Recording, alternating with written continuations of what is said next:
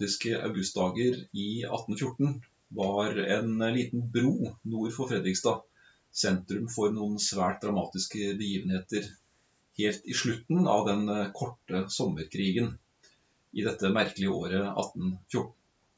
Og i dag så skal vi til denne broa, Lars Thoresen.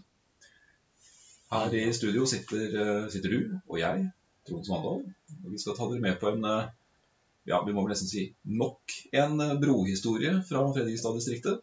Ja, jeg fleipa litt med deg når vi planla dette her, Trond, og foreslo at vi kanskje måtte ha en sånn spin-off-serie kalt Brohistorie på den, hvis vi fortsetter med dette her. Men eh, i dag er det jo i og for seg ikke broa i seg sjøl som er hovedtema, den, eh, og historikken til broa, men eh, det er jo selve slaget, da, det siste slaget i krigen eh, i 1814 mellom Norge og Sverige, som, eh, som er tema. Altså, det er jo dypt inne i militærhistorie rundt 1814 som er ditt eh, Vi må si at det er ditt spesialfelt, Trond? Må ikke det?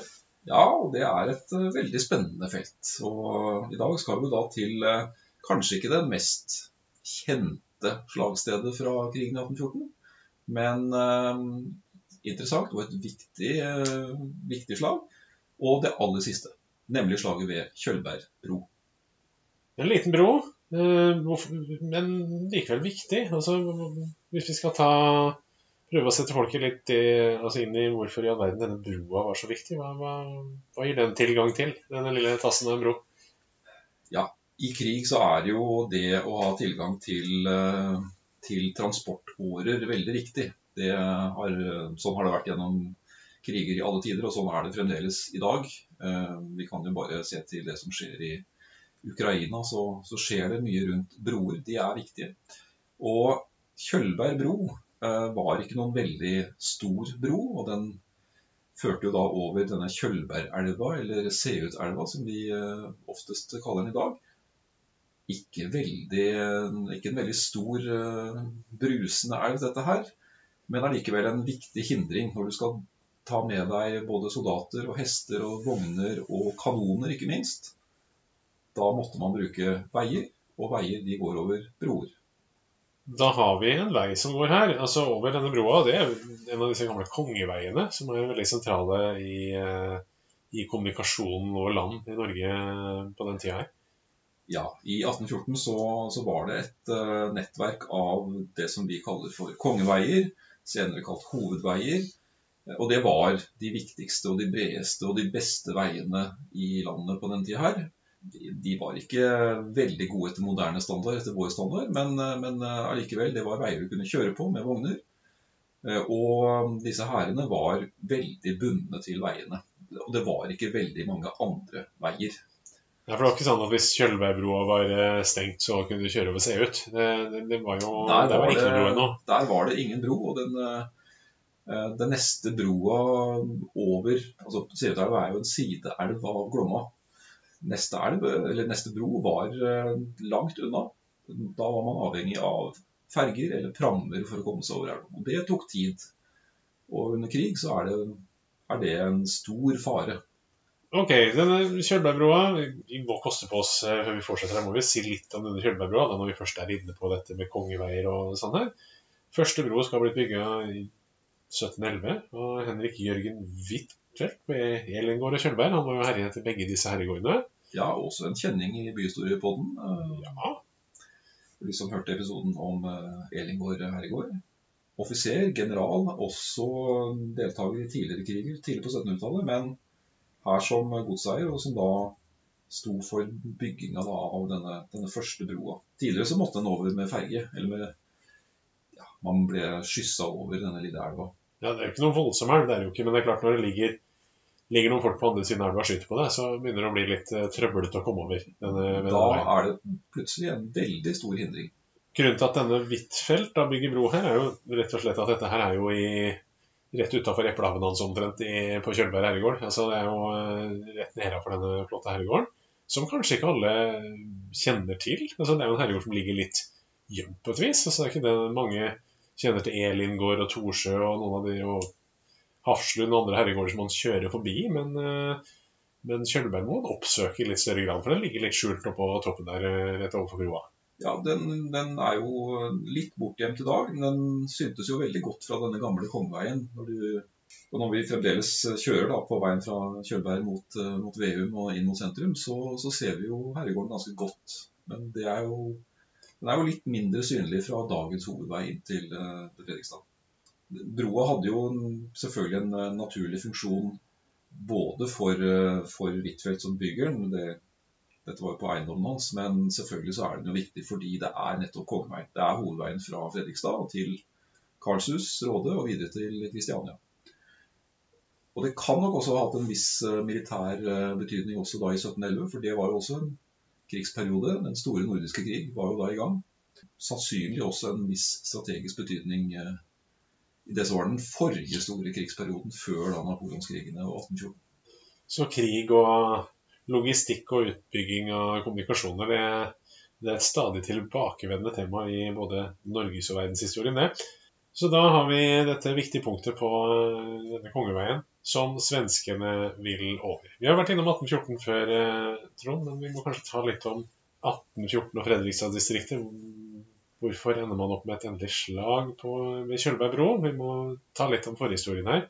Mot avslutninga av napoleonskrigene Hvorfor i all verden klarer Norge å vikle seg inn i eh, utkanten av napoleonskrigene? Ja, dette er jo både, både, geografisk og tidsmessig helt i utkanten av napoleonskrigene.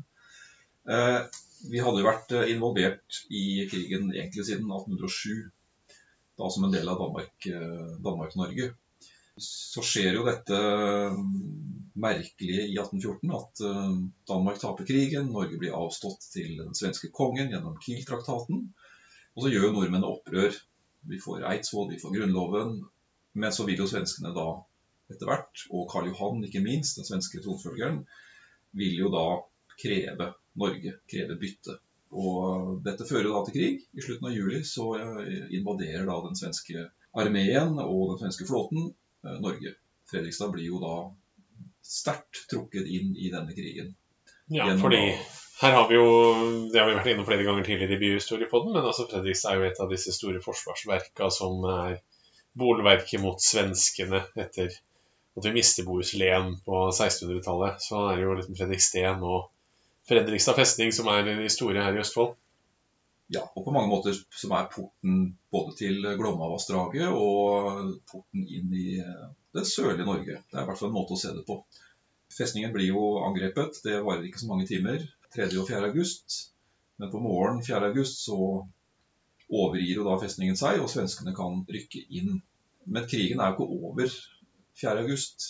Det er fremdeles kamphandlinger i Indre Østfold. I dagene etter Fredrikstad, altså festningens kapitulasjon, eh, og at svenskene rykker inn, så beveger man seg jo ja, vi må jo si sakte nordover Eh, mot, mot Kjølbergbro, men også da mot et annet viktig krysningssted over Glomma, nemlig Rollsøysund og Sandnessund, Hvor da svenskene rekognoserer og rykker da framover. Og Kjølberg er jo et av de viktige stedene som de må kontrollere for å komme seg videre mot, mot Råde, Moss og etter hvert også Kristiania.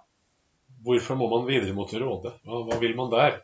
Ja, Ved Råde så lå jo en av de store norske hæravdelingene som var igjen Eh, det var jo styrker også i Indre Østfold med Spydberg, og hadde ligget store styrker ved Rakkestad som trekkes over Glomma. Eh, men eh, rundt Karlshus råde, der lå da en deler av en, en brigade, en stor militæravdeling. Og det var egentlig siste, den siste norske hærstyrken da før man kom til Moss, som var et veldig viktig sted, hvor også forhandlingene om våpenhvilen etter hvert kom i stand. Og faller dette her, så var veien mot Kristiania ganske åpen. Men man må over Seutelva? Man må over Seutelva. Så er det altså siste, de siste hindringene før man kan gå mot den norske hovedstaden og, og gå etter Kristian Fredrik, og, som da fungerer som konge i Norge på den tida her. Ja, han var jo eh, både militær øverstkommanderende, var kanskje ikke den kanskje ikke den aller beste eh, feltherren, men eh, han var norsk konge, valgt av riksforsamlingen på Eidsvoll, ikke anerkjent av noen andre enn Norge. Og kanskje Danmark, jeg vet ikke. Ja, det var nok en forståelse med Danmark. Det var nok en forståelse der. Tilfeldigvis også dansk eh, tronarving. Vi skal holde oss ved Kjølberg. Holde oss ved Kjølberg. På veien fram mot Kjølberg altså, det, altså Kjølberg er jo siste, siste stedet man da må ta i Fredrikstad omegn. Men hvordan påvirker ellers denne kampen eh, Fredrikstad? Så er det trefninger andre steder enn Kjølberg. Altså, merker man det ellers i distriktet her? Ja, bortsett fra gamlebyen, som selvfølgelig er under, eh, har kapitulert og sånn. Merker man det ellers? Ja. Bombardementet av Fredrikstad ble jo selvfølgelig merka veldig godt. Og det, det fins øyenvitneskildringer. Eh, både personer som hørte bombardementet, men også bombardementet av Huttfort i Vesterelva. Så, så, dette ble lagt merke til, selvfølgelig. Men svenskene inntar jo da både gamlebyen, festningen, og forstaden. Eh, og der ligger det flere hundre svenske tropper. Og så er det helt åpenbart i dagene etter 5., 6., 7. august så rykker man sakte nordover. Sender ut eh, rekognoseringspatruljer. Møter norske tropper som fremdeles da befinner seg i området. Eh, vi vet at det nok ble løsta skudd rundt gamle Glemmen kirke, mot Leie. Eh, og så beveger man seg selvfølgelig nordover på hovedveien, Kongeveien. Som, det, det som i dag er gamle kirkeveier, sånn er egentlig hovedveien som, sånn noenlunde som det var i tidligere tider? Det som i dag er som Traleveien, gamle kirkevei mot gamle Glemmen kirke, var en, en, et, et, viktig veifar nordover fra byen. Og så var jo hovedveien var uh, denne Kongeveien, som da er Knippelveien og Veum, uh, Veumveien. Nordover forbi Ambjørnerød, og da til, etter hvert til Kjølberg. Vi tenker jo ikke på det som uh, akkurat hovedferdselsåra ut av Fredrikstad i dag, men det, det var det i 1814. Det var i 1814, og det er vel først i 1850-tallet at man får den nye Seut-broa, at Seut overtar som krysningspunkt over uh, Seut-Kjølbergelva. Ja, det er det. Kamphandlinger ved uh, bro, når, når, vi, når, begynner kamphandlingene der, og hvordan foregår det? Ja, der er nok de første trefningene mm, den 8. og 9. august. Da møtes det vi vi kaller forposter. Man hadde jo patruljer foran uh, de litt større herreavdelingene. og Da er det snakk om titalls soldater som møter på hverandre, løsner noen skudd. Og så trekker man seg da litt tilbake. Og Nordmennene var jo, var jo veldig obs på, på, denne broa og krysningsstedet. Så her lå det på, på vestsida av elva, altså på Kjølbergsida, så lå det jo et kanonbatteri, og det lå flere flere norske kompanier. Stort sett avdelinger nok fra, fra Telemark og fra Sørlandet. Dette var jo soldater som var utkommandert fra store deler av landet, så de, de, var da utkommandert og, og, lå da i stillinger der. Mm. Og da blir det løsna skudd på tvers, altså over broa. og Etter litt harde trefninger mine, så, så blir jo da også broa ødelagt, delvis brutt ned. Er det noen de norske soldatene da gjør sjøl? Altså de ødelegger broa fysisk sjøl, eller er det, ja, det krigsskade? Nei, så det er jo, den må jo da repareres. Eh, man prøver jo da også å reparere den fra svensk side, og eh, lykkes ikke helt eh, med det. Men dette var jo da Da gir man jo egentlig opp østsida, sett fra, fra, norsk side. da. Mm. Men, men, samtidig så ligger jo Kjølberg herregård, og det er jo ganske ganske høyt oppe. Det er jo en ganske trang liten dal langs denne elva her. altså det må jo absolutt være mulig å forsvare denne broa ganske bra? Ja, og det var det jo også. Det, det løsnes jo altså, Det var en, en betydelig trefning. Uh, og det er, det er kanonild over denne, dette lille dalføret her. Så, så, det var ikke lett for svenskene å rykke fram. Og når da nordmennene yter såpass stor motstand, så, så, må en jo trekke seg tilbake. Så de klarer ikke å krysse elva da den, den 9. Det har vært en ganske intens og støyende opplevelse å stå midt i skuddvekslingene oppe i dette området her. For det må gjalla bra. Ja, det har gjort det. Og det, og det lå jo gårdsbruk i nærheten også. Vi må jo regne med at de fleste har kommet seg i sikkerhet. Men uh, det er klart dette her har både blitt hørt og merka godt.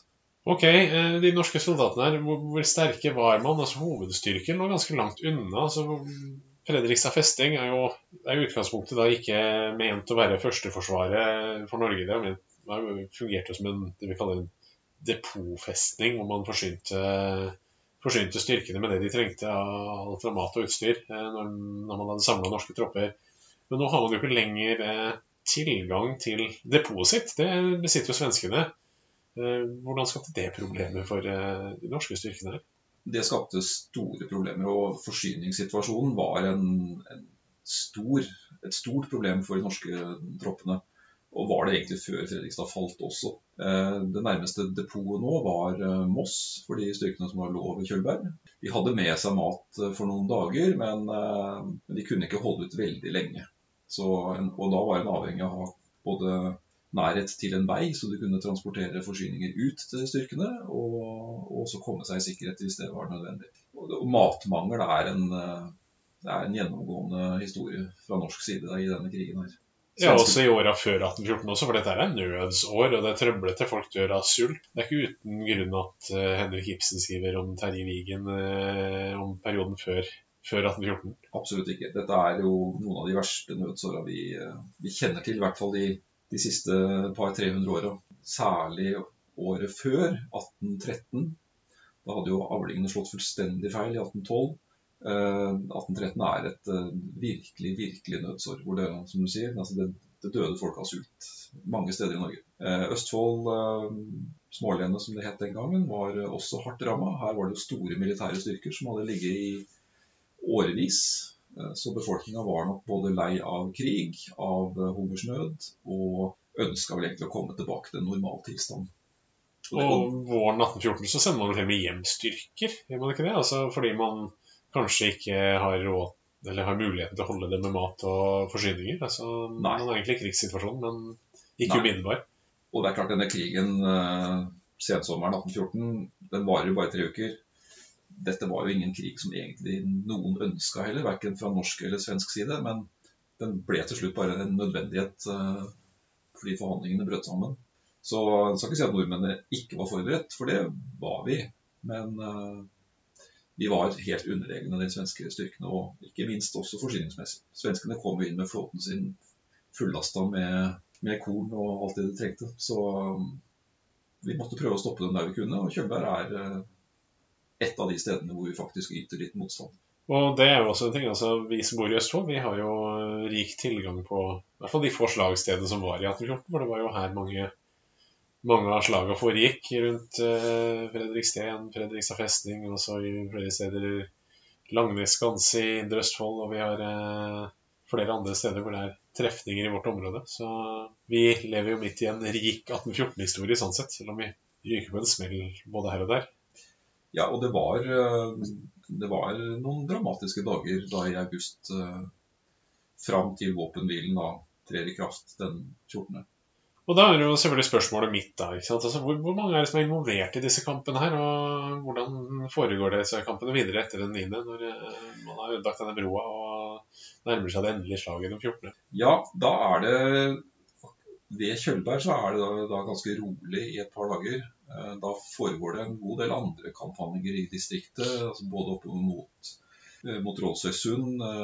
Ved Sand og Solli er det trefninger og lenger nord, altså Langnes, der trekker man seg tilbake den 9. etter ganske harde kamper. Så det foregikk mye andre steder i Østfold, men akkurat ved Kjølberg er det rolig fram til ja, mot kvelden, natt eh, mellom 13. og 14. august. Da setter svenskene inn et nytt kraftig angrep. Eh, og da er det flere hundre soldater involvert. Eh, det er kanoner, eh, kanonbatterier, ikke enorme antall kanoner, men kanskje en titalls. Som da både innleder angrepet fra svensk side, og man besvarer fra norsk side. Det er på en måte 14.8 som er det store slaget. Samme dag som da Mossekonvensjonen skrives ja. under og man får en fredsavtale her. Og Da hadde man jo sittet og forhandla i Moss i flere dager. Uh, begynner innleder forhandlingene da den tiende. Og dette har man jo visst ganske godt fra svensk side også, så det var nok et vi kan nok se for oss at det siste angrepet det er et, uh, også en del av forhandlings... Et enda litt bedre forhandlingskort da, i sluttfasen til forhandlingene. For de hadde, ja, de hadde jo vart i noen dager, så man ønska nok å få et så godt utgangspunkt som mulig for sluttforhandlinger. Slagene 14. er nok en større trefning enn vi ofte har tenkt oss. Og den foregår på et mye større område enn bare rundt broa. For nå prøver svenskene å krysse lenger sør, altså da eh, ned mot de store jordene øst for og sør for herregården. De kommer seg over denne ganske smale elva og avanserer da over jordene opp mot herregården, forbi herregården, og egentlig over de store jordene vest for Herregård. Så det er et ganske stort område som da er involvert. uh, Det blir nesten en slags bakholdsangrep, omringing, på en måte. man Altså. omringer jo da de norske eh, styrkene som lå i utgangspunktet i denne åsen vest for, eh, for broa. Og de blir jo da overmanna og må, må rett og slett oppgi stillingene. Og svenskene får jo da kontroll over brostedet kan krysse over. Sånn, eh, det er noen hundre som er involvert her. Altså, hvor, hvor mange mennesker er det som, eh, mange soldater er som dør i forbindelse med disse trefningene? Ja, det, er jo ikke veldig mange. Det er jo noen få. Det er vel, det er vel eh, tre svensker som omtales som faller. Og så er det noen få på norsk side. Og dette er ganske typisk. Det var ikke store tapstall i akkurat trefningene. Så, som blir drept. Så er det en del som blir, som blir såra og skada. Eh, en del dør jo da i, i ettertid. Men eh, de store tapstallene er det ikke. Så det er litt sånn for å holde krigen i gang, altså litt sånn forlengelse av diplomatiet, vise at vi mener alvor. Ja, det var nok først og fremst det. Og selvfølgelig, dette var et viktig sted å ha kontroll på for den svenske videre marsjen nordover. Og da får man til dette gjennombruddet. Og hvis forhandlingene hadde trukket lenger med oss, noe de jo ikke gjør, for de blir jo sluttført den 14., så hadde jo svenskene da et enda bedre kort på hånda. Og her er det jo da norske innkalt litt sånn skranglete bondesoldater som møter en ganske dreven svensk her under eh, en gammel revolusjonsgeneral fra Frankrike som er en dyktig militærtaktiker. Så det er jo på en måte rått parti når du da sitter med Christian Fredrik som litt urutinert, svak militær leder, må vi vel kanskje kunne si. På den andre siden så var jo var jo litt rått parti, selv om styrkeforholdet ikke var sånn helt håpløst forskjellig. For det var jo ganske mange tusen soldater på norsk side òg, så Absolutt. Den norske hæren eh, telte opp mot en 30 000 mann, så det var en betydelig styrke sånn i, i antall. Men det er klart den svenske hæren eh, var jo helt overlegen i erfaring. og hadde jo generaler som hadde vært med i felttoget i, eh, i Tyskland året før. Mange av styrkene hadde vært med i eh, felttoget i Tyskland, også i sluttkampen mot Napoleon. De, de ble jo skipa opp fra Tyskland til Norge for å være med her. Eh, Så, sånn sett så kan en jo kanskje lure på hvorfor ikke de gjorde det enda bedre militært sett. De rykker veldig sakte fram. Eh, Og det er nok flere årsaker til. Og vi kan nok også se for oss at Karl Johan, som jo skulle overta Norge, ikke nødvendigvis ønska en veldig, en veldig blodig krig. Man har vel kanskje høsta noen erfaringer fra Europa, hvor eh, Napoleon valser over eh, en del tyske områder, blant annet. Og det det er jo en del som snakker om at den tyske nasjonalismen fødes i når Napoleon herjer med de tyske områdene. At denne motstanden mot Napoleon og irritasjonen over at man blir eh, så herja med av Napoleon og overkjørt av Napoleon, det vekker motstandslysten og får tyskere til å begynne å samle seg og tenke på hva, hva er det som gjør oss eh, til tyskere? Hvorfor eh, er ikke vi samla? Hvorfor er ikke vi en sterk stat? Og at det er starten, virkelig startskuddet for den tyske samlinga, da, egentlig. Altså, at man kanskje har sett hvordan eh, krigens herjinger kan vekke motstandslyst hos folk. Da. Så hvis du skal etterpå leve i fred og fordragelighet med et folk og være konge, kongen deres, så er det kanskje ikke så lurt å, å skamfere dem for stygt i krigen før du skal overta landet. Det kan vel kanskje tenkes. Det er tanker jeg, er ganske sikker på at Karl Johan eh, har tenkt. For det er jo en uh, gjennomgangshistorie i dette felttoget 1814 at det går, uh, det går ganske pent for seg, selv om det er noen, det er noen harde trefninger uh, noen steder. Men det er ikke veldig mye overgrep mot sivilbefolkning. Man bringer jo til og med mat inn i Østfold som deles ut. og En del av de beretningene vi i hvert fall har, tyder vel på at befolkninga både på Kråkerøy og andre steder langs grensene tok vel relativt greit imot svenskene også, når de hadde med seg både brød og andre forsyninger. Man er litt prega av nødsåra i, i forkant her. Det tror jeg helt klart har vært, og folk har vært krigsleie. Svenskene for ganske pent fram her i vårt område, det kan vi vel kanskje si. Men et annet interessant aspekt her med denne, disse trefningene ved Kjølbergbro, er jo at dette her er siste gang Sverige er i krig med en annen stat. Det er siste krigen vi har hatt mellom Norge og Sverige, selv om det ble trua med krig, og det var en, det sånn, ganske anspent situasjon i 1905, så er dette siste, den siste krigen hvor Sverige kriger mot Norge, og også hvor Sverige kriger mot noe annet land. Jeg prøvde jo å teste der i stad eh, med å spørre hvem Bernt Storm er. Og der hadde du juksa litt og for, åpenbart sett den samme artikkelen som meg i forkant av denne episoden her, og lest, vi hadde lest litt på de samme tinga. Men eh, Jeg må vel innrømme det. Og svaret på det er jo at eh, han er den siste kjente falne, og er jo da den siste svenske soldat som har falt i en krig som Sverige har vært eh, involvert i. Så staten Sverige har vært involvert i. av Sverige etter Bernt Storm, 32 år gamle Bernt Storm fra Bohuslenske regiment. Han er den siste som eh, faller for Sverige på slagmarken i krig. Da vi ikke regna med eventuelle FN-soldater og andre spesialoperasjoner og sånn hvor Sverige eventuelt har vært med. Og heller ikke med folk som dør noen år etter krigen eller senere på høsten og kanskje senskader, men altså den siste falne på slagmarken. For å presisere det, så vi ikke får på pukkelen alle som skal ta oss på noe her sånn. Ja. Nei. Men det var da ved, ved Kjølberg bro, eller i hvert fall i nærheten på, på slag, slagfeltet. Og da er det siste gang Sverige er involvert i en krig direkte. Eh, dessverre ikke siste gang vi har vært involvert i krig, og siste gang det har vært soldater ved Kjølberg bro fra en fremmed makt. Men det, det er en helt annen historie. Men Lars, eh, slaget i august 1814 er jo, er jo veldig dramatisk, og er jo er vel den mest kjente hendelsen ved Kjølberg bro. Men eh, vi må jo eh, vi må jo avslutte litt om selve broa også. For den, eh, den blir jo gjenoppbygd etter 1814 og er jo i bruk Ja, den er jo i bruk fortsatt i dag. Nå er det ikke den samme broa som står der i dag som i 1814, da. Det må jo sies. Nei, men det er, jo en I dag er det en moderne betongbro. Og vi har vært inne på litt sånn brojubileer i år.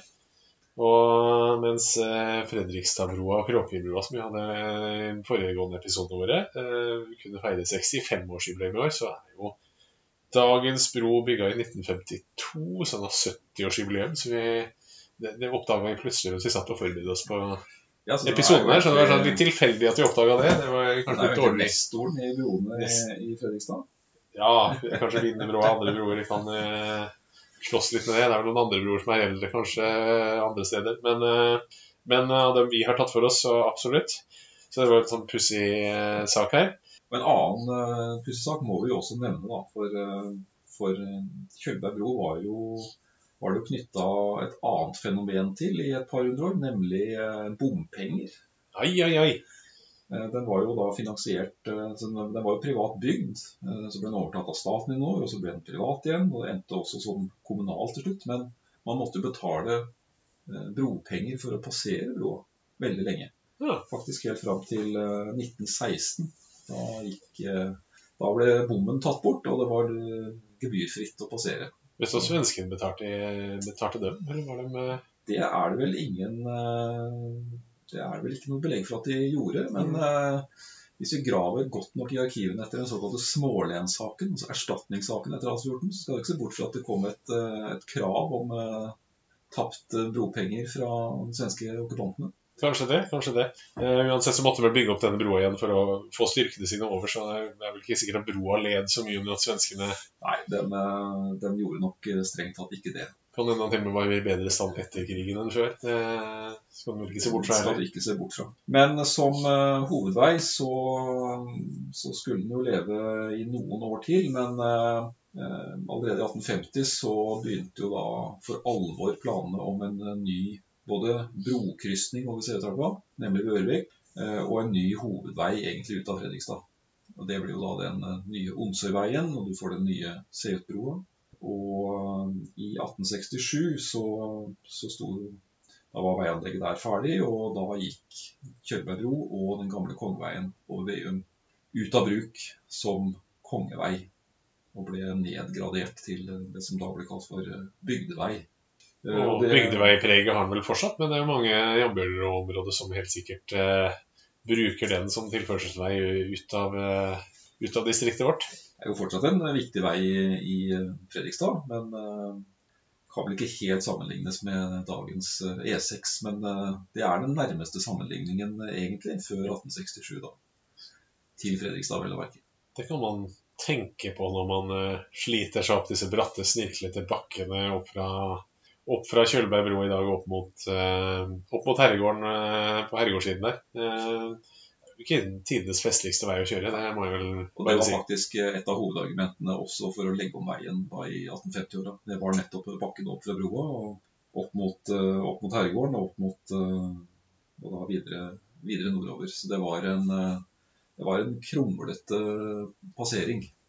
Man, man, brenner noen kalorier på en sykkeltur over der. altså man gjør Det Det er mye opp og ned. og sikkert en og annen hest som var i sitt stille sinn forbanna den veien også i tidligere tider. Det merkes jo veldig godt i dag også. Da, og det var nok da en, også en god grunn til å ikke bare ha en bro, men eh, der lå jo også da en skysstasjon ved, ved broa. Så reisende stoppa jo gjerne der og enten bytta hester eller, eh, eller tok inn for natta på, på skysstasjonen.